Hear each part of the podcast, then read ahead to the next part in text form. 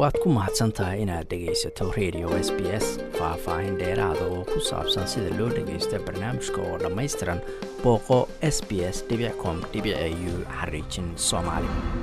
Waxaa magaalada melbourne lagu soo bandhigay urur cusub oo loo bixiyey somali voice victoria. Ururkan ay leeyihiin jaaliyadda soomaalida ee melbourne gaar ahaan xubnaha degan xaafadaha golodeegaanka banyuul ee waqooyiga melbourne. Ujeeddada loo aasaasay ururkan ayaanu ka wareysanay madaxda ururka iyo qaar ka mida jaaliyadda oo ka soo qayb galay soo bandhigiddan ururka. Ururka ayaa ka mid noqonaya ururo kale oo ka jira magaalada. Guddoomiyaha ururkan cusub cabdirasaaq xuseen maxamed oo ku magac dheer shiino ayaa sharaxay ujeeddada loo aasaasay ururka. Ujeedooyinka aanu ururkan u aasaasnay iyo inta uu salka ku hayo waa qodobo aada u dheer. Sanada sanad baa laga soo shaqaynayay community plan iyo draft uu leeyahay. Waxaanu hordhignay meel kastoo dowladda ah. Waxaanu hordhignay city councilka stateka federaalka. Weli kalamaana hadlin federaalka iyo stateka laakiin xaafadda aanu deganoo layidhaha banyuur city councilku. Waxay noqonaysaa hormuudka ugu horreeya ee ugu weyn oo dadkan soomaalida ee jaaliyadda halkan ku nool hay'adda ugu weyn ee maanta dowladda wadankan ka samaysa city councilka hay'adda ugu horeysa ee si fiican u dhageysata baahidu ay qabaan soomaalida jaaliyadda ku nool ereyadan tan labaad waagii hore waxaanu ahaan jiray from top to bottom oo ah in dowladdu barnaamij ay keento oo ay tiraahdo barnaamijkan aanu udihaynaa annaguna kadib aanu qaadano. Laakiin hadda waanu ka gedinay waana aanu kala hadalnay. Inaanu annaga communitiyga dad ka soo aruurino wixii wara ka keenno wax walbaanu ka keenno kadibna aanu dowladda hordhigno iyo wixii loo baahan yahay. Taas waa mid.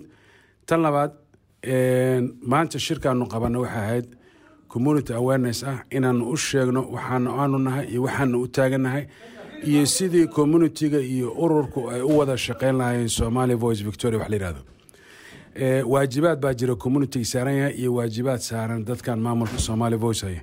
Haddii labadaa waajib laysku daro waxaanu isla aragnay oo maanta successful shirku ku noqday inay noqonayso hormuud wanaagsan oo ku dayasho leh waxaa ujeedada ugu weyn oo siyaasadda behind the scene dhan ka jirta waxay tahay in soomaalida jaaliyadda wadankan joogta ay dareemaan inuu yahay ururkoodu lana xisaabtami karaan maamulka dadka haya ayna oran karaan waxna waa noo qabateen waxna noomayda qaban inaan bedelaan rabnaa dad kalena ay ku bedelan karaan awoodda inay shacabku yeeshaan ayaana u samaynay waxaana muddo leenahay gaaban oo shan sano ah.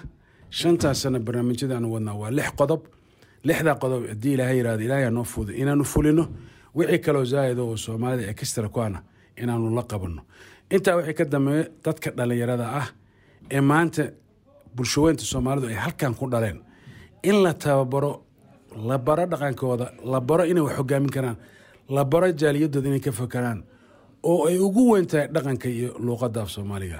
Marka barnaamijku waa ballaaran yahay laakiin xasano haddaan hordhac intaas kuu siiyo intaas anaga noogu weyn. Waa garta lixda qodob oo aad sheegtay waa ballaaran yihiin lakiin haddaad soo gaagaabiso maxay yihiin?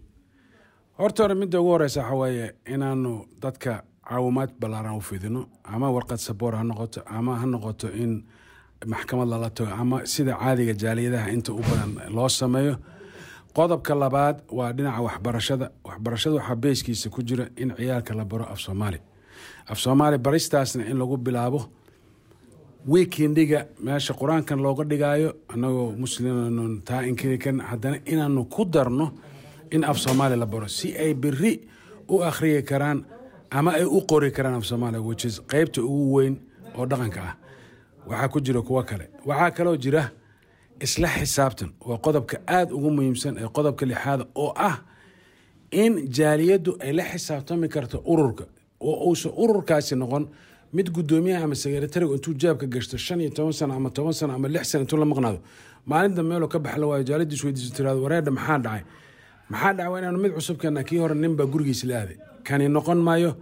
Kani waxaanu rajaynaynaa oo ilaahay ka baryanaa inaanu noqon oo uu noqdo mid shacabku ay yiraahdaan annagu waxaan u baahannahay adeer waanu kaa maarana waanu ku bedelaynaa ama ay iska dhex arkaan si jaaliyaddaas u noqdo sharciyaana la samaynayaa dadku ku kala leexdaan qodobaana la samaynayaa waxaanu maanta meesha ka dheefnayna oo noogu weynaana waxayd inay dadku diyaar u yihiin inay ka soo dhex muuqdaan somali voice victoria. Kow iyo labo labada arrimood ugu muhiimsan oo aada muhiimadda siinaysaan maxay yihiin bilowgaba? Muhiimadda ugu horeysa waxay tahay horta hore xasanow dadku inay iska dareemaan inay meesha ku dhex jiraan oo la xisaabtanka ah oo qodobka lixaad annaga noo ahaa inay dadku annaga nala xisaabtami karaan inay guddiyo noo soo saaraan. Shirkayaga labaad ee koob iyo labaatanka may maadaama ramadaan soo galay inuu shirkaasi yahay shirkii dadku iska soo saari lahaa guddiga.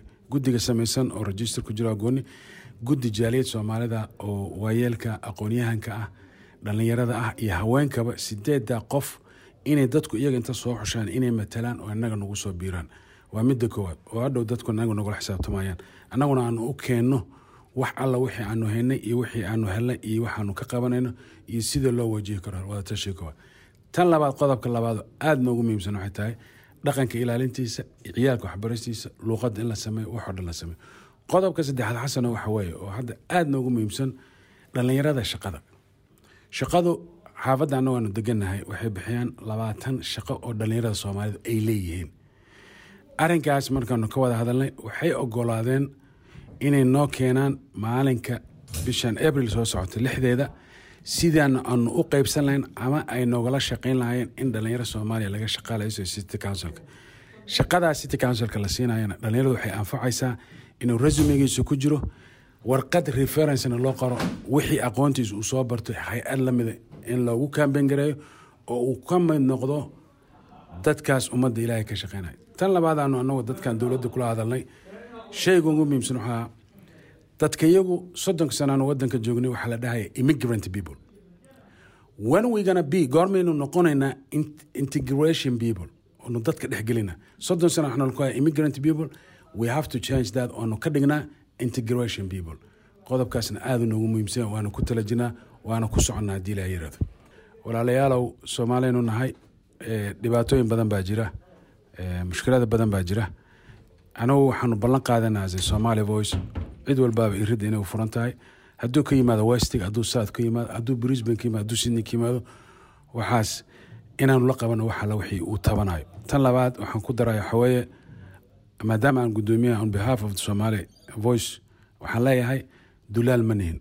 Qofka soomaaliga meesha uu wax ka tabanayo dadka qaabilsan baanu annagoo hor isagoo raaliya inuu ku qanco sida wax loogu qabanayo iyo haddii aan loo qabanin iyo sharciyada u baahanya iyo procedureka u marayo dulaal dame oo dhex dame oo dowlad iyo soomaali u dhexaysa kaa annagu kumana jirno mana nihin qof kastaana iridda u furan yahay. Kaasina waxa uu ahaa cabdirasaaq xuseen maxamed oo loo yaqaano shiino oo madax u ah urur cusub oo loo bixiyey somali voice victoria oo looga dhawaaqay xaafadaha waqooyi ee magaalada melbourne waad ku mahadsantahay inaad dhegaysato raadiyaha s b s. Toos u dhegaysa barnaamijka habeenada arbacada iyo jimcada tobanka fiidnimo. Ama kaga soo cesho website-ka iyaga iyo s b s radio app. Booqo s b s com au xariijin soomaali